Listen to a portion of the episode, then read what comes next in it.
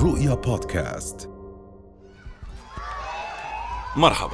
فريق بودكاست نقلا عن العالم راح يحاول اليوم وبكل حلقة ياخدك في جولة حول العالم. يتعرف من خلالها على عادات مشكلات اختراعات وغرائب ومواضيع غير متوقعة. وبحلقة اليوم رح نحكي عن حروب اندلعت لأسباب بسيطة باستخدامي لمصطلح بسيطة أدبا لأنها الصراحة أسباب سخيفة. يعني خلينا نكون واقعيين. ممكن تصدقوا بأنه في كلب تسبب في حرب؟ يعني للأسف نعم. حرب الكلب المتشرد تعتبر واحدة من أكثر الصراعات غرابة في القرن العشرين وسبب الكلب عن غير قصد أزمة دولية. حادث الكلب هذا أجا بعد فترة طويلة من العداء بين اليونان وبلغاريا اللي كانوا على خلاف من وقت حرب البلقان الثانية في عام 1910 وتفاقم توترات في شهر 10 من عام 1925 لما تم إطلاق النار على جندي يوناني بعد ما عبر الحدود البلغارية خلال مطاردة كلبه الهارب حسب ما نشر موقع هيستوري. وصار إطلاق النار هذا عبارة عن صرخة حاشدة لليونانيين اللي غزوا بلغاريا بعد فترة قصيرة حتى إنهم كانوا مستعدين لقصف مدينة بتريتش قبل ما تتدخل عصبة الأمم أخيرا وتدين الهجوم. وتفاوضت لجنة دولية على وقف إطلاق النار بين البلدين ولكن الحرب كانت قد تسببت في وفاة 50 شخص.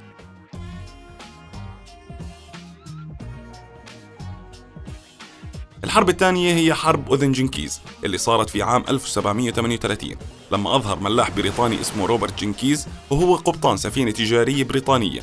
أذنه المقطوعة اللي قطعت من قبل البحارة الإسبان كعقوبة على التهريب. بعض الروايات بتحكي إنه الأذن المقطوعة عرضت أمام البرلمان البريطاني ولكن لا يوجد دليل بيدعم هاي القصص. وبدافع من هاي الشهادة المثيرة أعلن البريطانيين الحرب على مملكة إسبانيا. وهيك بدأت حرب أذن جنكيز.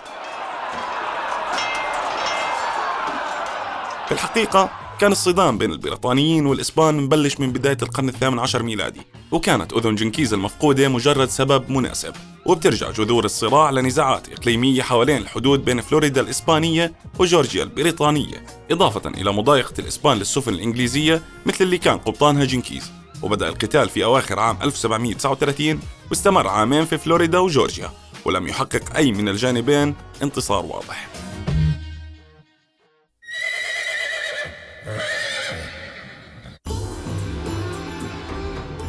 أما الحرب الثالثة فهي حرب البسوس اللي قامت بين قبيلة تغلب بن وائل وأحلافها ضد بني شيبان وأحلافها من قبيلة بكر بن وائل واستمرت لأربعين سنة بسبب ناقة.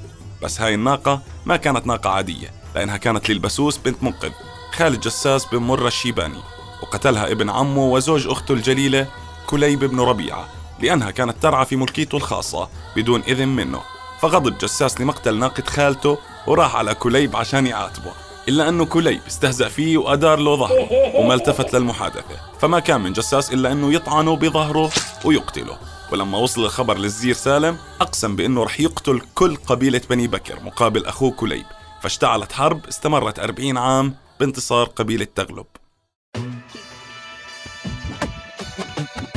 الحرب الرابعة هي حرب المعجنات اللي اندلعت في عام 1828 بعد ما دمرت الحشود أجزاء كبيرة من مدينة مكسيكو سيتي خلال انقلاب عسكري. كان واحد من ضحايا أعمال الشغب خباز فرنسي مغترب.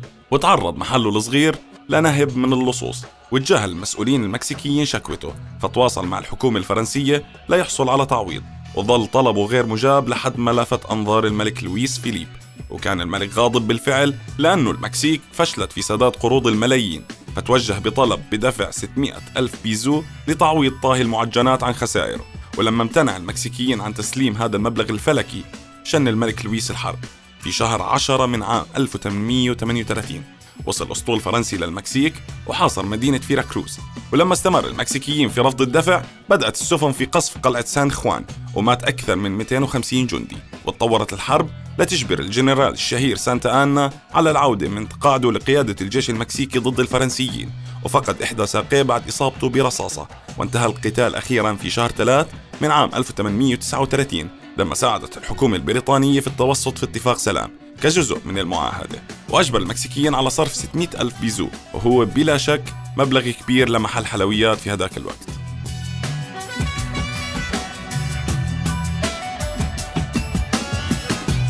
حرب كرة القدم اللي كانت في عام 1969 بعد ما تدهورت الأمور بسبب فشل هندوراس والسلفادور في التأهل لمباريات 1970 بعد ما تم إقامة مباراة الذهاب في هندوراس اللي فازت 1-0 بعدين أقيمت مباراة الإياب في السلفادور اللي فازت 3-0 فتعرضت المجتمعات السلفادورية الكبيرة في الهندوراس للهجوم بحيث تم جر كثير من الناس من منازلهم وضربهم وتم تسجيل إطلاق النار على بعض المشجعين ووقعت حوادث مشابهة في السلفادور ضد الهندوراس وكان من الواضح أنه التأجيج اشتعل عند المجموعتين من المشجعين بحيث كان من المقرر أنه تقام مباراة فاصلة في المكسيك وكانت المباراة تعادل عند صافرة النهاية لكن بعد الوقت الإضافي فازت السلفادور 3-2 وهي النتيجة اللي كانت المفروض لازم تحسم الموضوع ومع هيك سجلت دولة السلفادور غضبها من هندوراس لأنها لم تتخذ أي إجراءات فعالة لمعاقبة هاي الجرائم اللي بتشكل إبادة جماعية. فقطعت العلاقات الدبلوماسية وهاجمت عدة أهداف هندوراسية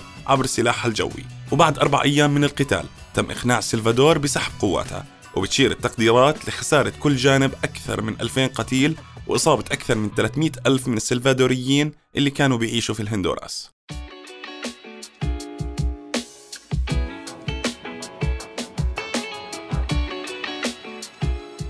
الحرب الأخيرة معنا لليوم. هي حرب سباق العربات في القسطنطينية اللي صارت في عام 532 ميلادي. بعد ما غمرت حشود ضخمة شوارع القسطنطينية الأمر اللي أدى لحرق أجزاء كبيرة من المدينة وتهديد حكم الإمبراطور جستنيان وكل هاد باسم سباق العربات. وكانت قد ارتفعت شعبية السباقات اللي أقيمت في ميدان سباق الخيل بالقسطنطينية خلال القرن السادس ونظم المشجعين أنفسهم في فصائل صارمة. وصارت عصابات الشوارع بتشارك في السباقات أكثر من مشجعي الرياضة. وأصبحت أقوى المجموعات المعروفة باسم الزرق والخضر سيئة السمعة بسبب همجيتهم. واندلع الصراع في شهر واحد من عام 532 لما رفض الإمبراطور جستنيان إطلاق سراح اثنين من أعضاء الزرق والخضر اللي اتحكم عليهم بالإعدام.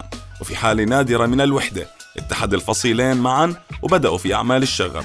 وفي غضون أيام قليلة أحرقوا مقر محافظ المدينة واشتبكوا مع حراس الإمبراطورية وحاولوا تتويج إمبراطور جديد.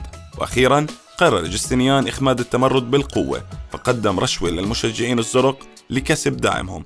بعدين شن هجوم مدمر على مثيرين الشغب الباقين. وبحلول نهاية الهجوم تم قمع أعمال الشغب وتوفى 30 ألف شخص تقريبا على أرض ميدان السباق.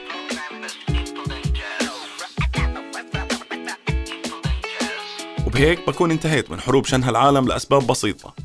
استنوني بحلقة جديدة لأحكي لكم عن العالم أخبار ومعلومات جديدة وغريبة. كنت معكم أنا سيف قواسمة ومن الإعداد هيا الحموز ومن الهندسة الصوتية سامي عباس. سلام. رؤيا بودكاست.